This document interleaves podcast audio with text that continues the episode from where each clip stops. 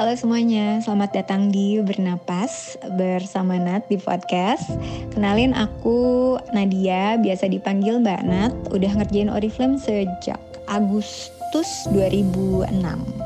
Podcast ini isinya adalah kumpulan voice note voice note yang biasanya aku kirim mingguan, harian ke grup-grup Oriflameku yang isinya macam-macam, kadang motivasi, kadang BPS, kadang ya ngingetin produk dan lain-lain gitu. Jadi selamat menikmati bernapas.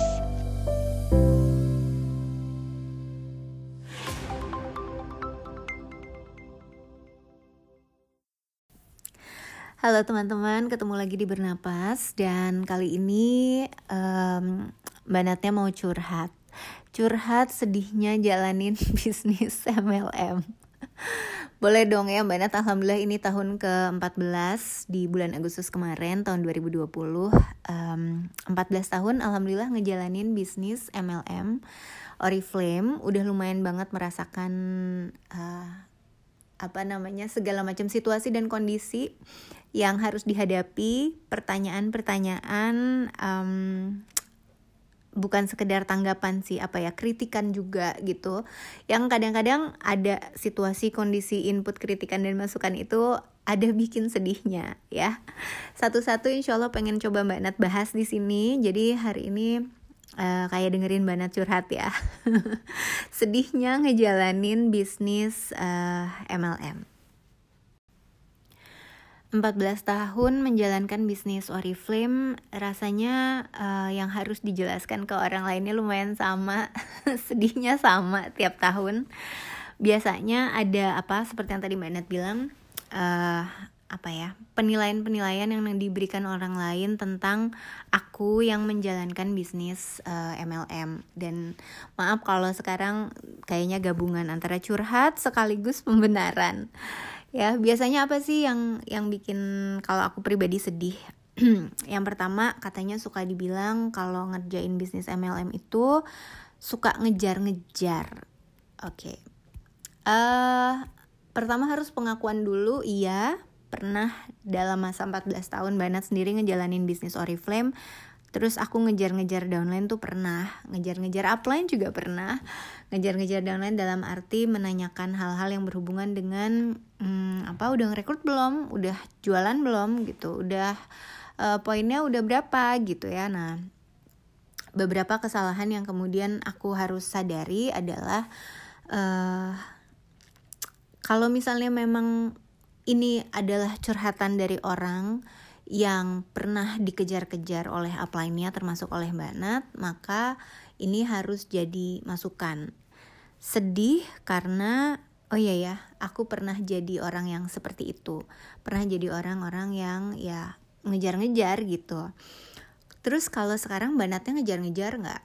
Kalau sekarang uh, ngejar-ngejar tetap, tapi biasanya lebih tahu diri itu kali kata-katanya ya mungkin ada yang pernah uh, jadi yang kalau aku rasain adalah kalau misalnya dibilang ngejar-ngejar itu biasanya karena mungkin aku melakukannya pada saat tidak mau melihat um, situasi atau kondisi yang sedang dialami oleh downlineku itu misalnya. Jadi bisa jadi mbak Nat nggak kenal waktu gitu uh, mungkin aja teman-teman. Jangan-jangan memang pernah ada saatnya pada saat orang harusnya lagi masuk waktu sholat misalnya tapi aku terus menerus uh, apa namanya nelponin aku terus menerus um, apa namanya WhatsApp, SMS gitu ya ya. Itu sesuatu yang menjadi pelajaran besar sebetulnya. Jadi kalau dibilang judulnya podcast kali ini adalah sedihnya jalanin bisnis MLM ya pertama sedih karena memang di um, dinilai seperti itu tapi juga di sisi lain sedih karena ya aku pernah jadi upline yang seperti itu gitu. Terus kalau sekarang tetap ngejar-ngejar nggak ya kayak Mbak Nat bilang tadi gitu. Tetap sih gitu. Karena gimana pun juga kan kita ngejalanin bisnis di sini. Bisnis tuh biasanya erat hubungannya dengan angka.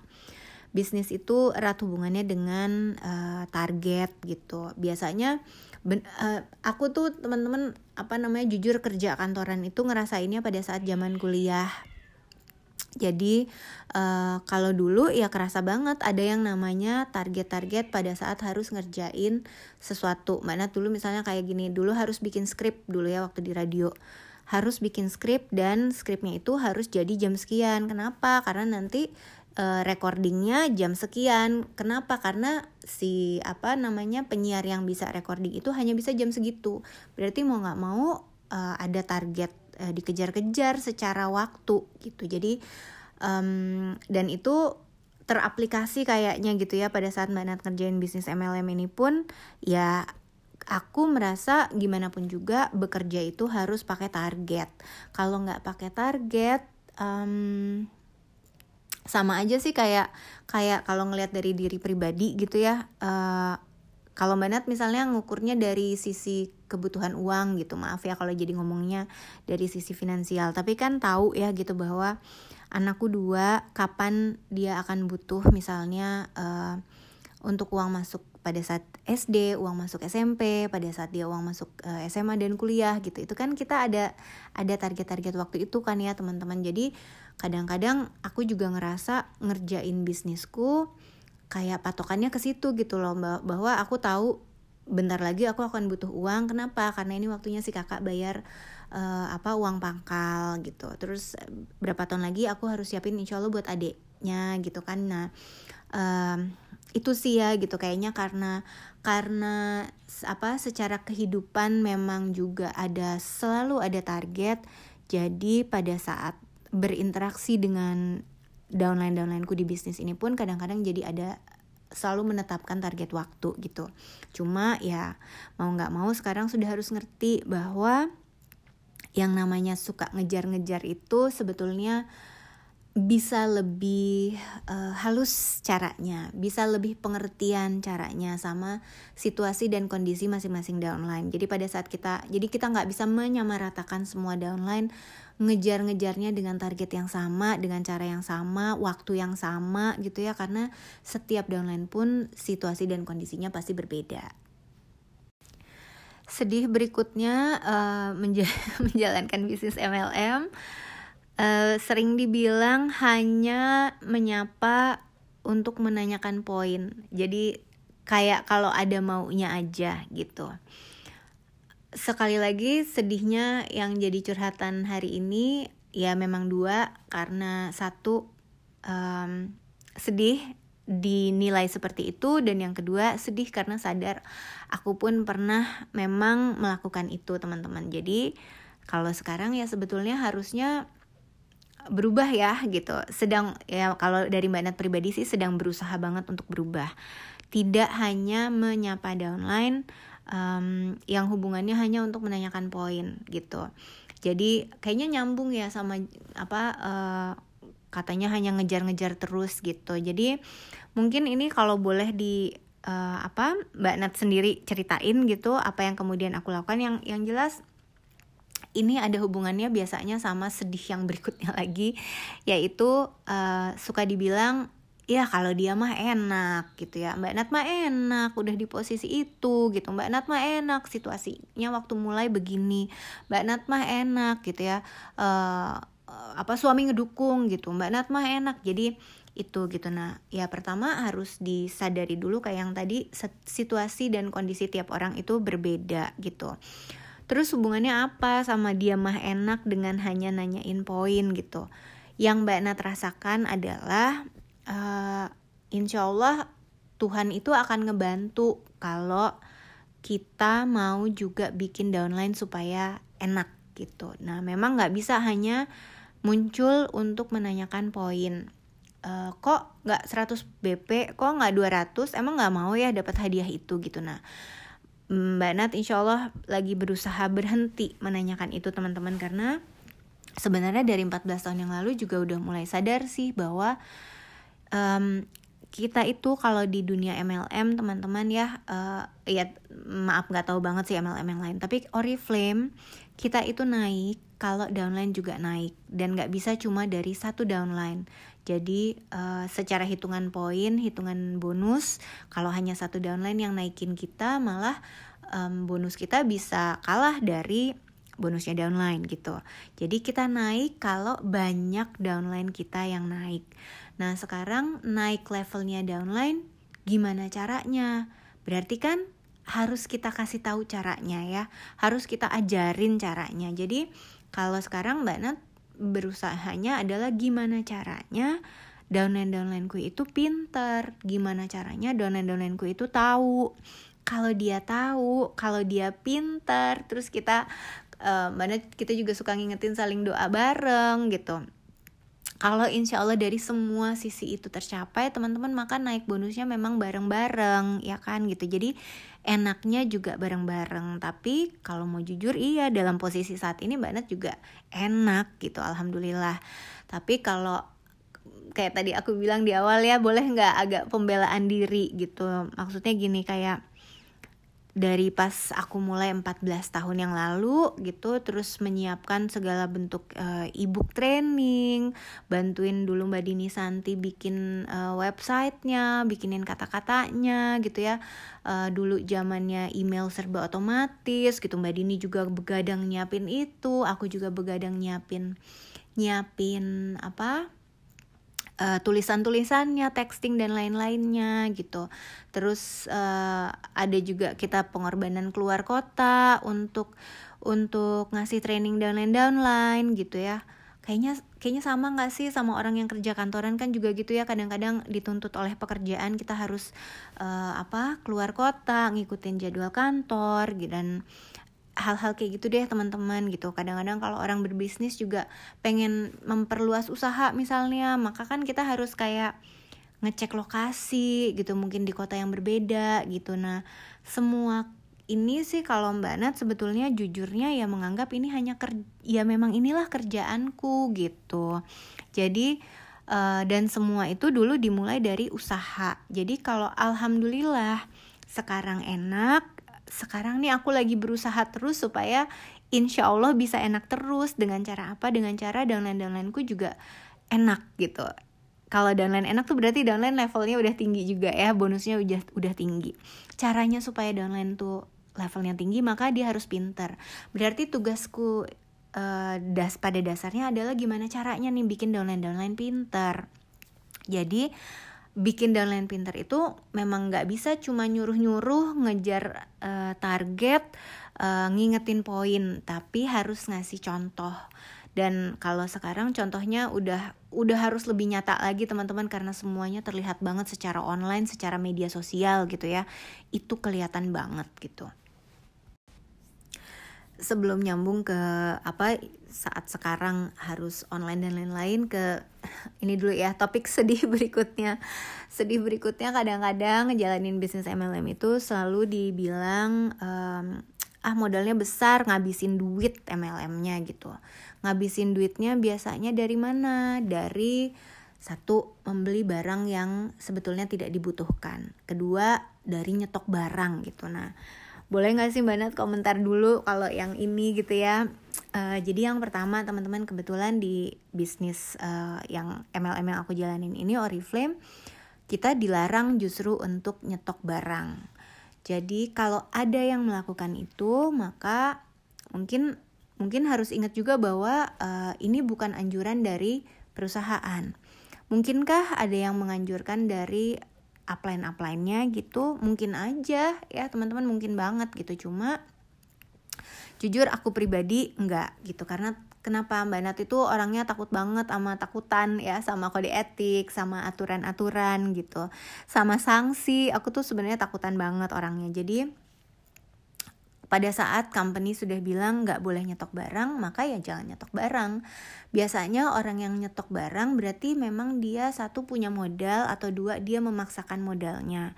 Nah, um, ingetinnya ya paling sekarang gini, balik ke yang tadi Mbak ceritain soal kita harus bikin downline pinter.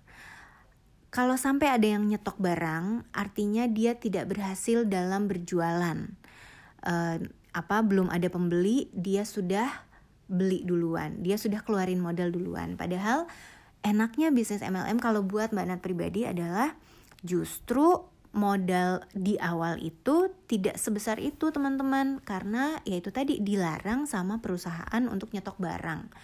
Kalau ada yang melakukan itu berarti mungkin downlineku ini tidak tahu caranya berjualan. Tanggung jawabnya ya balik ke aku sebagai upline-nya yang seharusnya ngajarin caranya berjualan sesuai dengan kode etik ya. Uh, kita nggak belajar caranya di sini, cuman uh, mengingatkan diri sendiri ke Mbak Nat dan mungkin ke teman-teman yang lain juga bahwa uh, orang yang kemudian memaksa dirinya nyetok barang mungkin karena dia lagi ngejar sebuah hadiah teman-teman dia lagi mengejar level tertentu gitu ya dan kebetulan belum ada yang uh, bisa dijual maka um, yang harus jadi pembelajaran buat aku adalah oke, okay, berarti aku masih harus lebih banyak ngajarin cara berjualan tanpa uh, mengeluarkan modal. Cara berjualan entah itu dengan menggunakan tester, dengan social selling, gimana caranya dia uh, bisa berpromosi gitu. Makanya kalau teman-teman lihat Nat rajin bikin video uh, jualan. Mbak Nat rajin insya Allah bikin banner produk gitu ya. Tapi yang lebih penting lagi teman-teman bukan hanya ngajarin kemudian downline-downline untuk nih pakai gitu jadi ngajarin cara promosi tapi juga ngajarin mereka cara bikin jadi um, untuk upline-upline yang mungkin sering dapat uh, apa sering dapat uh, penilaian ini dari orang lain bahwa kita tidak ngajarin downline uh, untuk bisa ya ini harus jadi ilmu ngaca ya gitu jadi kalau buat mbak Nat sendiri bukan hanya penting ngajarin cara promosinya, tapi gimana caranya dia juga bisa dan dia tidak tergantung sama upline-nya. Jadi lagi berusaha downline-downline Mbak Nat juga bisa gimana caranya uh, fit med sosialnya, uh, sosial medianya bagus, fit Instagramnya bagus, ngasih tahu caranya bagaimana. Uh, Mbak Nat kok bisa sih bikin video itu Mbak Nat kalau ada yang nanya pasti nanya pasti aku kasih tahu loh teman-teman gitu ya biasanya Mbak Nat pakai apps apa terus tips dan trik uh, strategi-strategi gimana supaya videonya tuh uh, insya Allah bagus, gampang diterima orang gitu. Nah, Mbak sih ngeliatnya ini jalan hidup banget ya, Alhamdulillah nasib uh, dari Allah.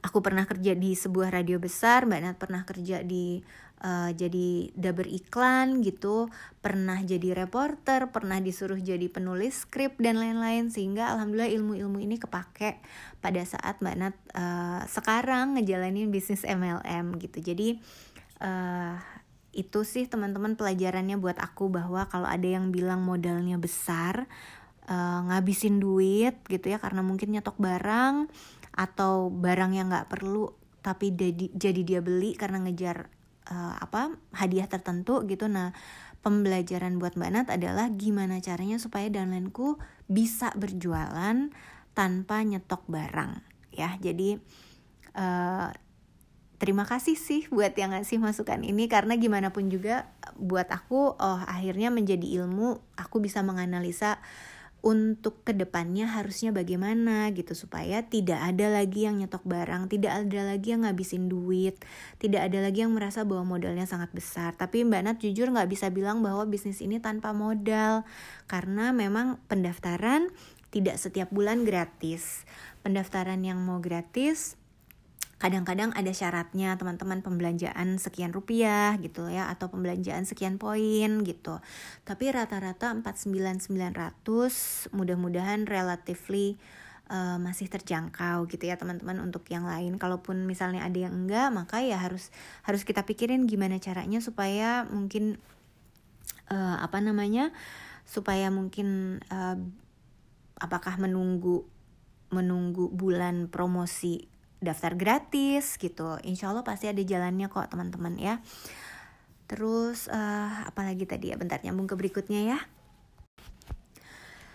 Teman-teman uh, sekarang mau mau cerita soal sedihnya jalanin bisnis MLM saat dibilang programnya perusahaanku gak jelas. Kadang bikin orang jadi bingung lah atau gak jelas gitu ya Nah Mbak Nat mau cerita, jadi Mbak Nat kan masuk tahun 2006 nih gitu. Tahun 2009 itu jadi diamond dan kalau nggak salah pas dari 2010 Alhamdulillah sampai sekarang Mbak Nat ada di top 15 Indonesia. uh, amanah di top 15 Indonesia itu teman-teman adalah kita biasanya jadi teman diskusinya senior manajemen termasuk pada saat mereka mau launching uh, aneka program atau campaign gitu ya. Nah, jujur yang namanya uh, setiap kali mereka mau launching sesuatu tuh kalau kita diajak diskusi itu lumayan loh ya lumayan alot biasanya antara antara apa top 15 Indonesia-nya sama perusahaannya gitu sama manajemennya gitu apa namanya diskusinya um, saling kasih masukan uh, kemungkinan negatif positifnya gitu. Nah dan terus terang sebagai top 15 pun nggak nggak bisa tahu semuanya. Biasanya kita memang tahu ya dari downline downline gitu dari beauty community masing-masing kan. Pernah kok ini jadi masukan gitu ya dari beberapa tahun yang lalu bahwa gimana caranya setiap kali kita meluncing program-program uh, itu harus sejelas dan sedetil mungkin Supaya apa? Supaya adil, supaya tidak ada yang merasa dirugikan. Dan um, sebagai alhamdulillah leader yang lumayan deket sama manajemen saat ini, teman-teman banget berani bilang bahwa company kita ini, company perusahaan tempatku ngejalanin bisnis MLM ini sekarang lumayan besar perubahannya untuk mengikuti ini gitu. Jadi yang namanya sebelum launching sebuah program harus detail, harus apa ngasih tahu sebelumnya gitu ya. Harus jelas uh, syarat-syaratnya termasuk yang apa namanya terms and condition tuh yang biasanya suka tulisan kecil-kecil di bawah itu itu harus jadi lebih besar, harus lebih jelas. Pokoknya ketentuan-ketentuan itu harus dikasih taunya di awal gitu. Jadi uh, hampir sama sama semua cerita Mbak Nat yang sebelumnya bahwa ya podcast kali ini menceritakan uh, kesedihan karena memang pernah dinilai orang seperti itu sekali lagi dan karena memang aku tahu ada yang aku pernah lakukan atau mungkin memang pernah dilakukan oleh perusahaanku. Tapi aku juga bisa bilang bahwa perusahaan tempatku saat ini tuh bukan tipe yang kemudian diem dan dan istilahnya kayak masuk kiri keluar kanan gitu. Enggak semuanya itu didengerin semuanya itu jadi um, bahan pertimbangan dan bahan diskusi. Dan gimana caranya gimana caranya hasilnya yang keluar sama-sama menguntungkan. Boleh dong ya kalau kita juga menguntungkan perusahaan, setiap orang yang bikin bisnis, setiap orang yang punya perusahaan, orang yang membangun kantor misalnya, tentu kepengen ada keuntungan, tentu kepengen ada sesuatu yang menjadi uh, labanya dan gimana caranya itu saling menguntungkan semua pihak yang ada di perusahaan tersebut gitu. Bener nggak teman-teman? Kalau mbak Nat sih ikhlas ya kalau perusahaan juga mau ngambil untung ya perusahaannya harus ngambil untung gitu. Kalau enggak ntar akunya malah jadi nggak bisa lama di perusahaan tersebut kalau perusahaannya tidak untung gitu. Ini sih logikanya mbak Nat pribadi ya itu um, yang aku rasakan gitu. Oke lanjut ke uh, tanda kutip kesedihan berikutnya adalah kalau dibilang ah malas ah ngerjain bisnis eh, MLM narsis banget gitu. Hmm uh, waktu dulu pertama kali muncul di dunia perusahaanku ini uh, sama Mbak Dini Santi di mana belum banyak yang online justru um, apa namanya ntar aku lupa sih sebetulnya lebih banyak dulu apa lebih banyak kayaknya lebih banyak dulu ya. Tantangannya untuk bilang bahwa ini narsis banget sih uh, di dunia online itu terlalu eksis dan lain-lain. Itu uh, dulu apa 14 tahun yang lalu gitu.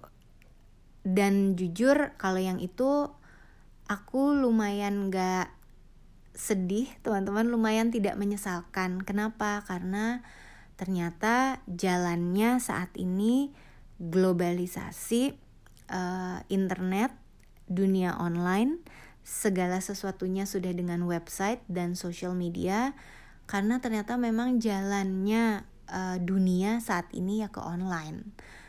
Jadi um, sedih nggak ya? Sedihnya mungkin lebih karena dapat masukan sih ya. Ya gini, kadang-kadang ada hal yang aku tahu tidak perlu diumbar uh, apa diumbar semuanya ke media sosial untuk apa? Untuk jaga perasaan. Itu mbak Nat ngerti banget gitu. Jadi um, masukannya buat aku adalah berarti harus menjaga apa yang aku posting apakah memang itu benar-benar bermanfaat atau hanya sekedar pamer. Mungkin ada kelepasan uh, yang isinya hanya pamer tanpa bermaksud tanpa apa gini tanpa ada isian untuk motivasinya misalnya atau jadi inspirasinya. Nah ya benar itu sih ya kayaknya ya yang mbak Nat um, harus menyadari bahwa ya semua postingan narsis ini kadang-kadang diniatkan untuk bisa jadi inspirasi buat orang lain. Tapi mungkin ada orang lain yang juga merasa bahwa karena isinya pamer kemudian jadi menyakiti perasaannya nah itu kita harus mengerti kapan kita harus uh, posting sesuatu yang yang tidak menyakiti perasaan orang lain. Kapan kapan uh, narsisnya berlebihan menjadi sekedar pamer dengan sebetulnya narsis dan eksis yang kepengen memotivasi orang lain sebagai pembuktian bahwa bener kok aku dapat ini loh dari perusahaanku. Bener kok perusahaanku janji ini dan aku sudah buktiin dapat bener jadi perusahaanku itu tidak bohong. Mungkin kan sebetulnya niatnya begitu ya teman-teman gitu. Cuma ngerti sih uh, apa namanya ngerti kenapa kemudian um, ini menjadi sesuatu yang sering dinilai orang lain ke kita kita yang jalanin bisnis MLM termasuk pada saat kita dibilang ngebully jenis pekerjaan yang lain gitu. Nah aduh ya benar dia berarti aku jadi sedih beneran. Kenapa? Karena ya mungkin ada masa-masa dulu pas di awal di mana seakan-akan menjalankan bisnis ini itu adalah yang terbaik. Ini adalah yang ini ini segalanya ini the best lah gitu. Uh, mungkin dulu mbak Nat lupa Iya dulu aku lupa bahwa ya tiap orang memang beda situasi dan kondisi, setiap orang beda beda uh, kebutuhan dan kesenangan gitu. Belum tentu semua orang seneng di rumah saja. Belum tentu semua orang seneng uh, apa namanya yang katanya bisa dikerjakan sambil dari uh, ngerjain yang lain ini itu dan lain-lain gitu ya ada loh uh, aku tahu banget teman-temanku yang memang seneng kerja kantoran gitu. Sama seperti dulu kita apa namanya aku inget banget dulu suka ada pembahasan di mana uh, penyebutan-penyebutan istilah kayak uh, full time mom dengan stay at home mom gitu. Padahal everybody's uh, adalah full time mom. Bedanya adalah ada yang stay at home mom ada yang work at home mom ada yang working mom. Tapi semuanya full time mother. Jadi ya ibu ya ibu gitu. Cuma beda pekerjaannya. Nah kadang-kadang kita uh, dulu kayaknya pernah suka bikin iklan seakan-akan gitu bahwa stay home mom atau work at home mom itu yang the best gitu. Nah itu yang aku tahu kemudian menjadi pancingan orang-orang yang menjadi sedih karena uh, promosi-promosi yang seperti itu. Dan insya Allah ini udah berusaha banget Mbak Nat ubah dan ingetin ke semua downline-downline dalam beauty community bahwa kita harus menghargai setiap pekerjaan dan pastinya kita harus menghargai setiap pilihan orang lain. Jangan sampai kita dibilang bahwa uh, kita ngebully apa yang jadi pilihan mereka. Oke, okay, sedihnya jalanin bisnis MLM yang berikutnya adalah pada saat dibilang uh, jual impian. Ah, jual impian doang loh gitu. Yang ini yang ini agak bingung sebetulnya jawabnya karena kalau mau jujur ya memang ya memang aku jual impian. Uh, gimana ya? Emang iya sih teman-teman gitu. Jadi cuma gini ya pembenaran ya gitu kalau buat mbak Nat pribadi. Yang bikin orang bertahan hidup tuh bukannya emang mimpi ya gitu. Jadi alhamdulillah tuh bangun tidur punya visi gitu loh hari ini. Aku mau ngapain aku pengen berdoanya apa supaya dapet terus aku kerjainnya supaya pada saat berdoa tuh aku nggak malu gitu loh sama Allah gitu. Bukan cuman aku mimpi-mimpi terus. Sebenarnya yang dibilang mimpi apa sih gitu?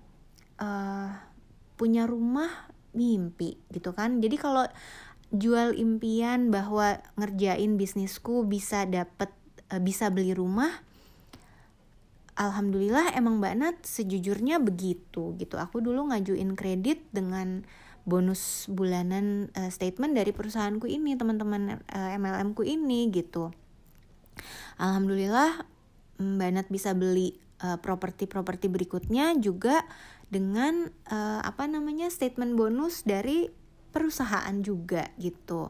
Jadi menjual impiannya berdasarkan jujur apa yang terjadi benar gitu dan sekarang misalnya kayak Banat bilang lagi deh gitu ya um, alhamdulillah kita setiap setiap hari bangun tidur uh, terus kita berdoa gitu ya. Kita berdoa sama Tuhan kita minta kan kita minta buat anak.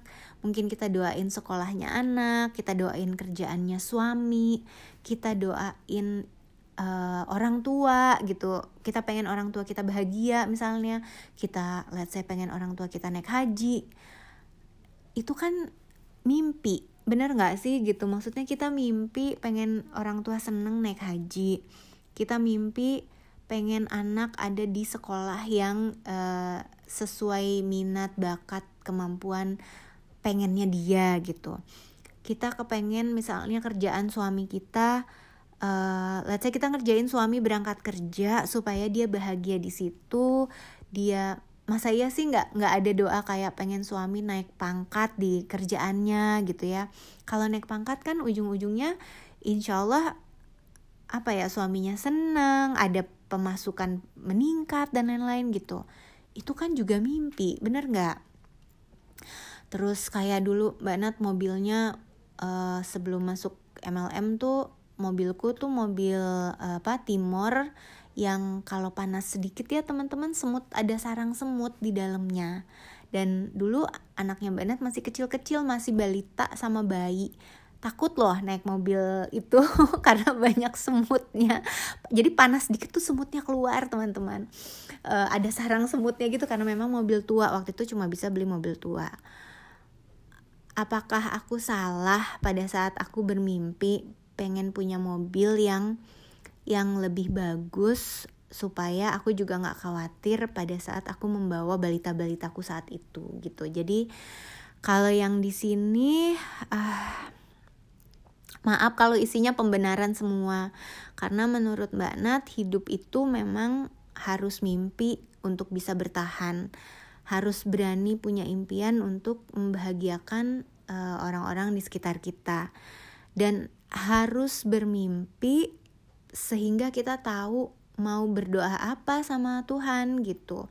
Kalau kerja kerja kerja terus nggak satu paket sama apa yang dimintain ke Tuhan, nggak satu paket sama apa yang kita butuhkan gitu ya terus kita minta ke Tuhan terus terus gimana dong gitu ntar mimpinya apa bahkan mimpi panjang umur eh apa berdoa panjang umur berdoa tetap sehat apalagi nih dalam kondisi sekarang Nat bikin podcast ini September 2020 Indonesia dalam keadaan dunia masih dalam keadaan pandemi Indonesia, Jakarta masih dalam kondisi uh, eh, PSBB dan lain-lain gitu ya teman-teman.